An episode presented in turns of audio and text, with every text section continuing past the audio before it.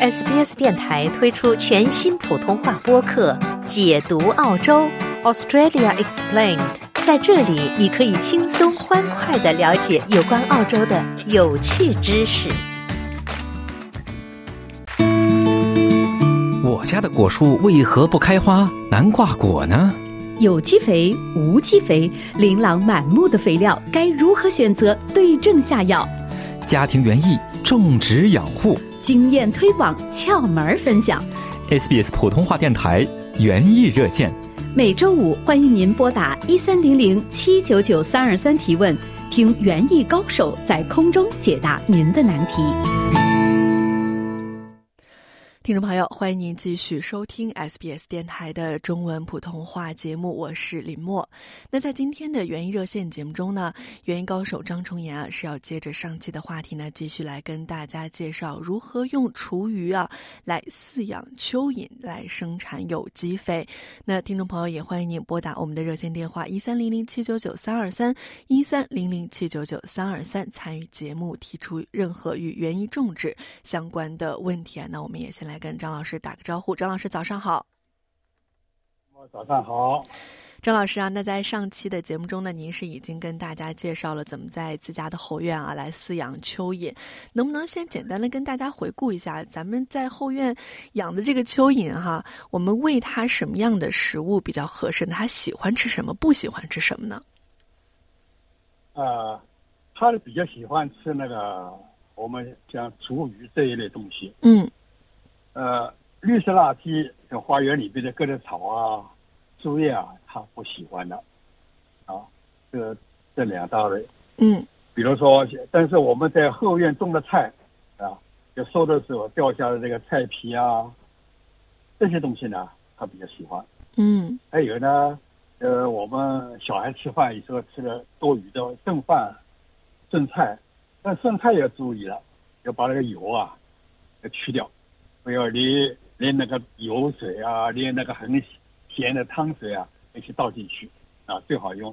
手呀过一下，他不太喜欢吃太太那个咸的东西。嗯还有呢，呃，就是我们家里面的那个不用吃的水果啊，多余的水果啊，腐烂的水果啊，对他来说是最好了。嗯，那您个刚才说到我们这这个个小孩吃的剩饭啊，那比如说这个剩饭里面的米啊、面呀、蚯蚓他们喜欢吃吗？这个喜欢吃的，嗯呃，但是我们那个水果里边呢，那个橘子啊，这些比较比较刺，对他来说比较刺激的，嗯就我们橙的那个皮啊，这些东西都不要放进去。还有呢，我们有有的人比较喜欢吃的大蒜、葱，他对这个东西呢，呃，不喜欢的，这种味道他会把它赶走的。哦所以这些呢，呃，还有呢，就是肉，嗯我们吃的肉啊，和我们做菜的鱼肉啊，呃，猪肉啊，这些东西啊，也不能放进去。嗯那这个东西呢，它不吃，放在那边时间一长就发臭，啊，一发臭以后呢，就会招来很多各种各样的虫子过来了，嗯所以呢，这些东西都不要。嗯，呃，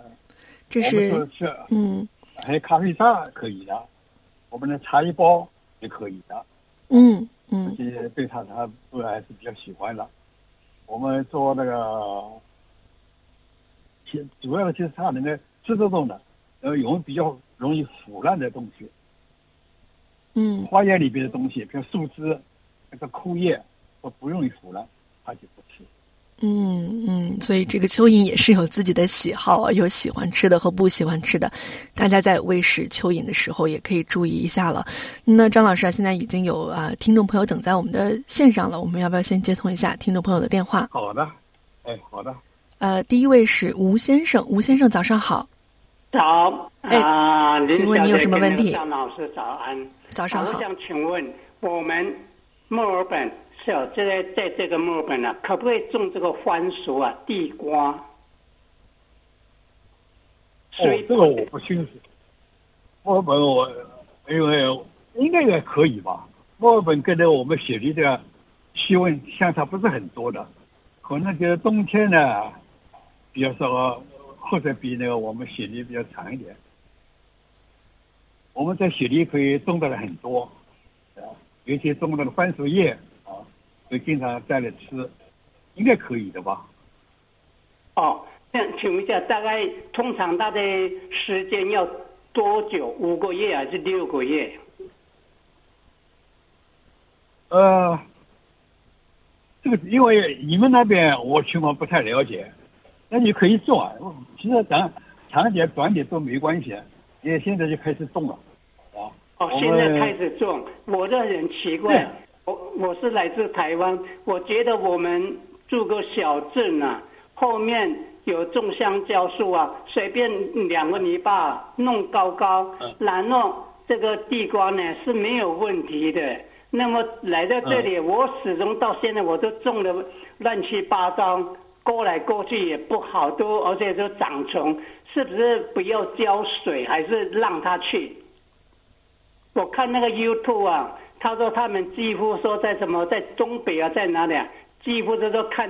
看天吃饭，就是说没有啊都不理他，没有浇水的，他们在那个沙、呃、沙头沙啦、石子头，哎、那个河边呢啊那个种的地瓜啦，就这么样子，嗯就都讲得很好。但我在这里，我的好玩，我已经八十岁出了，我这好玩呢，中退休了，我中了都搞都搞不好，这都头那头大。 呃，单纯呢，他喜欢那个沙土的，哦，沙沙地土瓜啊，OK，对，这个粘土不行，因哦为泥土不行它啊在地，哎、因为它它这个块茎呢，它底下长那个那个那个番薯啊，是等于块茎嘛，它一定要透气好，嗯土壤比较疏松。你 嗯，呢，就是最好呢去搞一些那个那个 potting mix 啊，放在土里边，做下哦去鸡粪，呃哦这，个这个还是要下肥料。嗯还有呢，这个土壤呢，这个地方呢要地势比较略微高一点，这嗯个一下雨啊，这个排水不好，那肯定长不好嗯了。还，OK，有那个光线要好，啊，光线是没有问题，我这里光线是没有问题。嗯，因啊为有东边、北边跟西边，我都可以照到。嗯，是没有问题。哦那是我那哦，对不起，但是我那个过冬的地瓜叶呢，是顶呱呱，是不错的。人家没有地瓜叶吃，我都有地瓜叶分享。呃，我这是啊流冬的啊、流冬的这个地瓜叶这样子，然后一个豆子做两个，然后都七八个，我都种二十多棵都都还不错，都可以。那那我很种那多个了。 哎，我种的那个菠菜呢，都可以邻居啊都可以分享。哎，啊啊啊！哎对，啊，那很么好现在已经十二月快十五号了，对吧？那么，哎啊，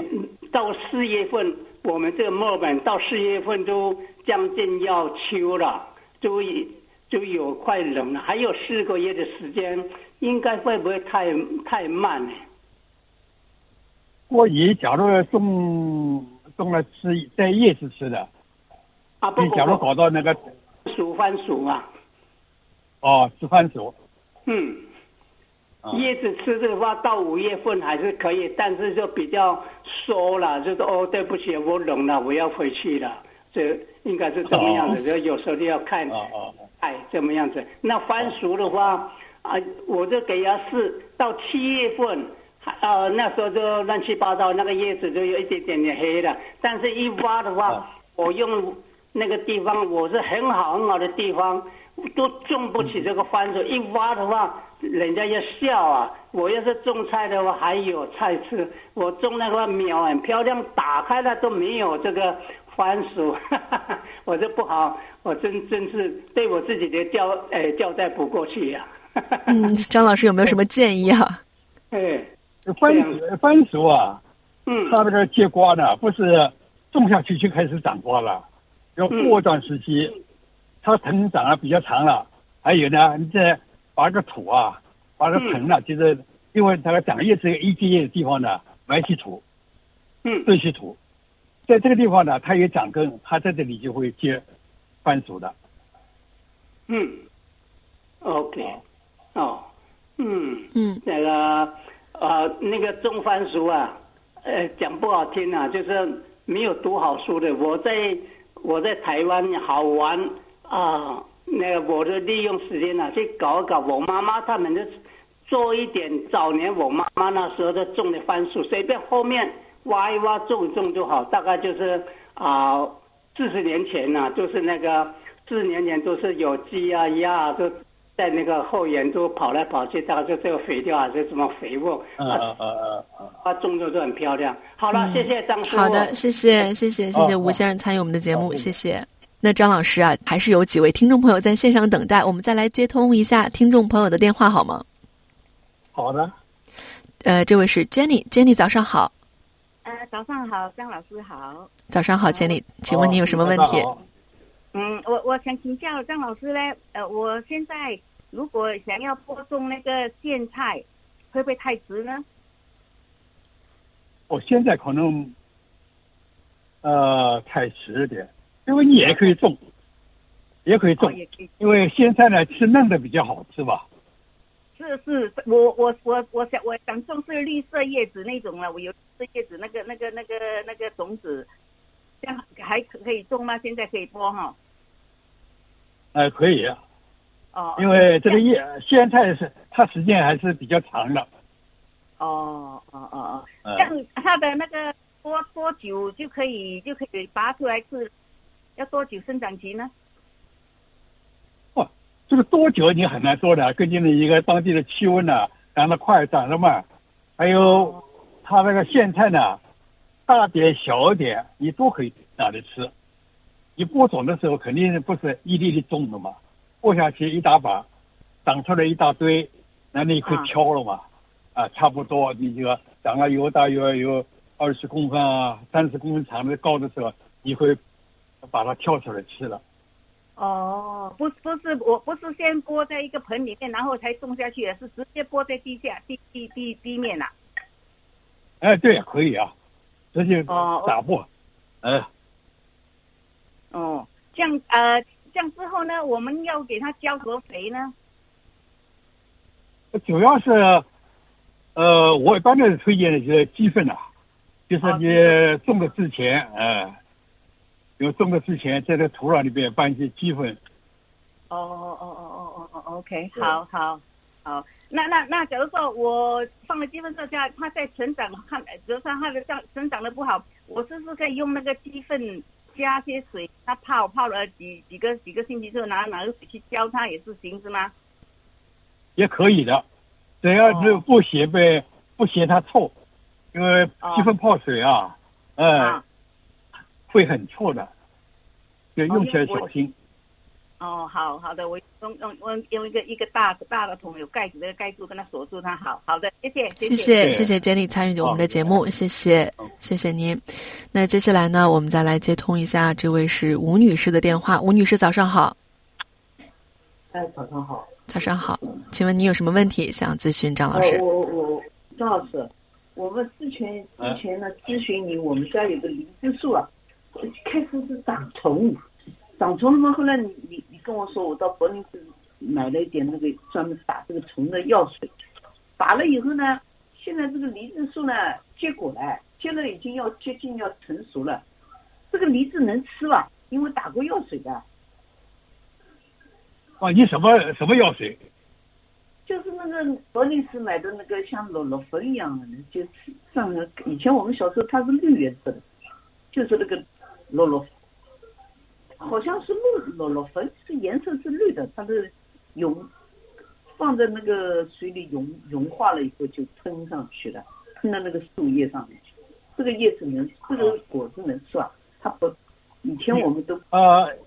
你喷了多，因为在帮你市买的药水啊，它啊分两个架子的，一个架子呢是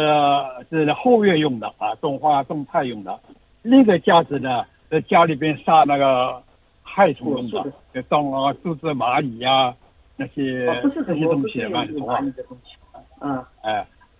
它是假如你是用的花园用的啊，就是我们种菜那个可以，一般的过了两个星期呢就可以了。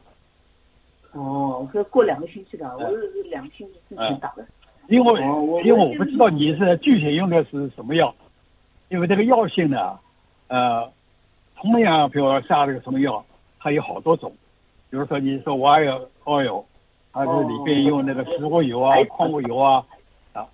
这个就比较毒性比较低。假如这个除虫蕨，它毒性都比较低，一般一个星期都可以了。哦假如嗯你是用那些比较杀虫力比较强一点的，那保险点的，就是两个星期吧。哦，两个星期好像回来，哎、反正哎因为我我以前都不打的，因为没有虫。这次我打过药水了，我也不敢吃了，这个能能不能吃不知道啊。哦，可以的。哦，还有一个问题啊，那个，呃，先生，反正过两个星期大概就问题不大了。假如是柏林是专门打果树的东西，对吧？是这样啊，嗯，是这个结结果吧？嗯，张老师也是建议啊，基本上两个星期之后，嗯，就是可以来使用了。哦，还还有一个那个韭菜啊，我我那个韭菜，现在就让他去这样种，我看他出不来了，是不是还要重新撒种子啊？张老师， 韭呃，种菜什，么？韭菜，韭菜是吧？哎，对对对，那那个根还在那里，就要不要让他去？还是这个就没有用了，不会再长出来了？不是，韭菜你你这个韭菜种了几年了？一般的种韭菜呢，啊，这两年呢到三年呢，要要把它翻一下土，然后那就翻盆，哦把它拿出来以哦后，根呢修剪一下，再把它重新再播种，啊再种下去，种的土呢预先那个用那个鸡粪啊、这牛粪啊、羊粪啊，哦，把它那做太底厉肥害了，做好以后，因为你时间长了，土里边营养不够了，哦，所以要是根还是有用的，是吧？这个根还是有效的。啊，可以可以，韭菜你可以一直种的。哦，好的，好的，好的，好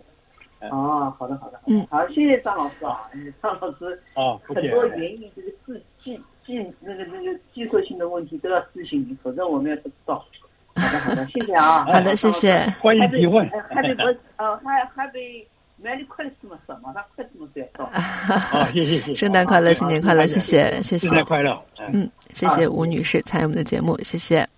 那张老师啊，刚才您是为大家回顾了如何给蚯蚓喂食啊，包括它们喜欢吃什么和不喜欢吃什么。那可能很多听众朋友也会有一个疑问哈、那就是如何来控制放入的这个食物的量呢？什么是多了，什么是少了？怎么样来判断呢？啊，养蚯蚓也刚开始的时候啊，不要一下子放太多，啊嗯但是怎么多怎么算少呢？那我们这判断呢，反正你放进去以后，蚯打打开盖子，假如这个食品上面都爬满了蚯蚓了，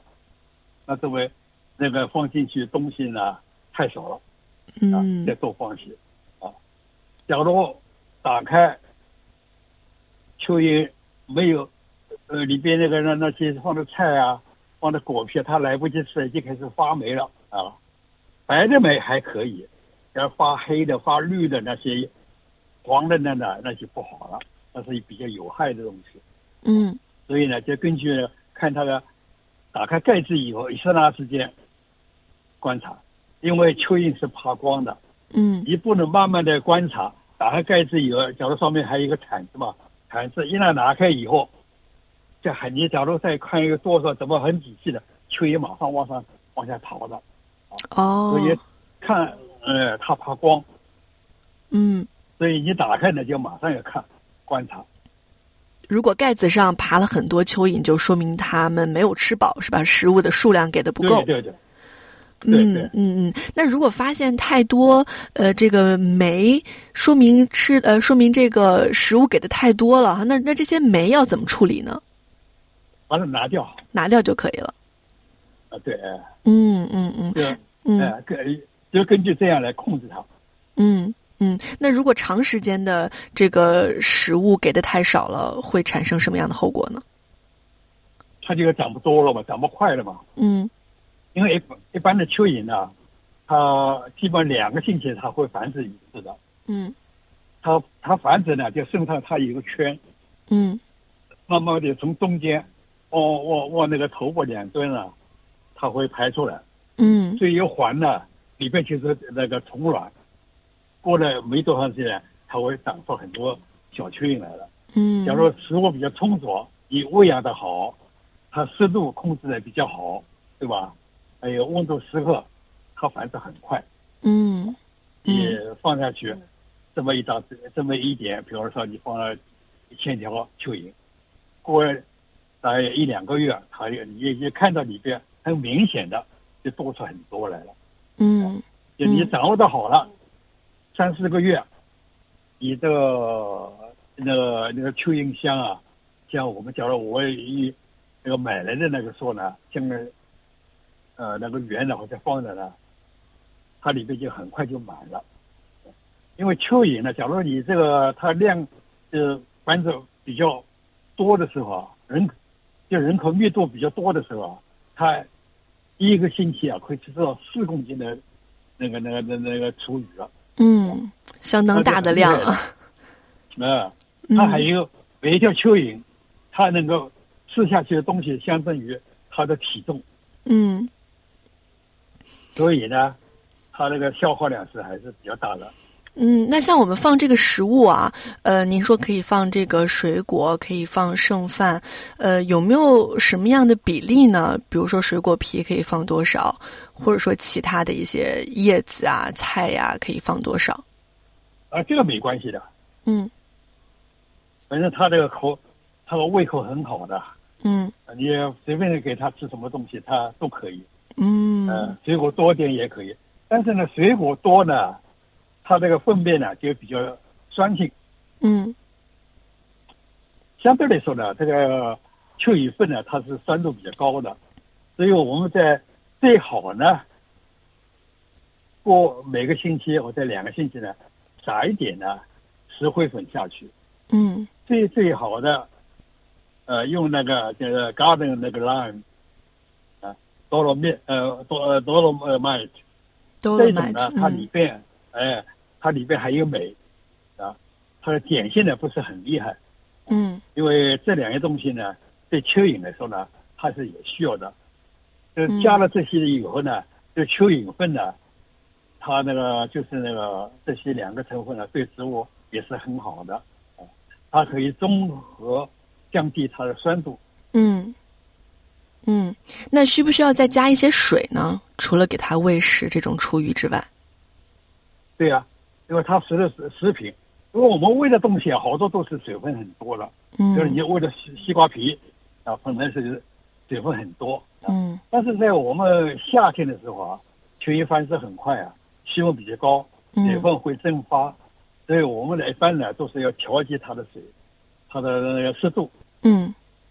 啊。但是呢，我们就是哦，就是我们呢就是最好呢每个星期啊，呃浇一桶水，每每个星期浇一次水啊。对，这个大约是三个 liter 到五个 liter，哇，就在上面那个撒撒下去。嗯这有两个目的，一个目的就调节它的湿温，呃，那那个湿度，呃，嗯水分不够了，太干了它也不行。嗯第二个呢，它通过把它淋下去，通过那个蚯蚓粉淋下去以后，又把蚯蚓粪里边那个那些呃那个那个养分啊，可以把它那个融化出来，嗯到下面放出来水龙头，放出来水呢，就是我们叫呃，我们 T 啊，嗯就我们蚯剃蚓那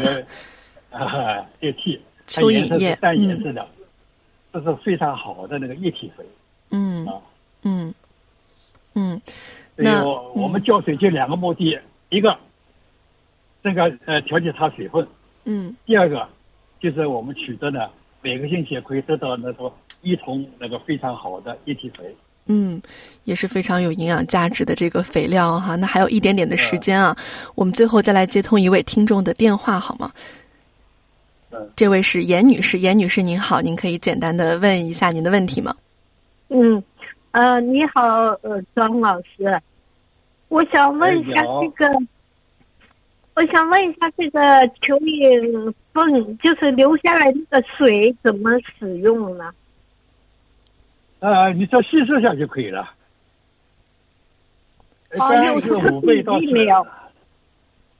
呃，一般都是五倍到十倍的水。哦，嗯嗯，这样，这样直接可以灌在那个植物的根上。对啊呀、哦嗯，不会对植物有伤害什么的哈。不会不会。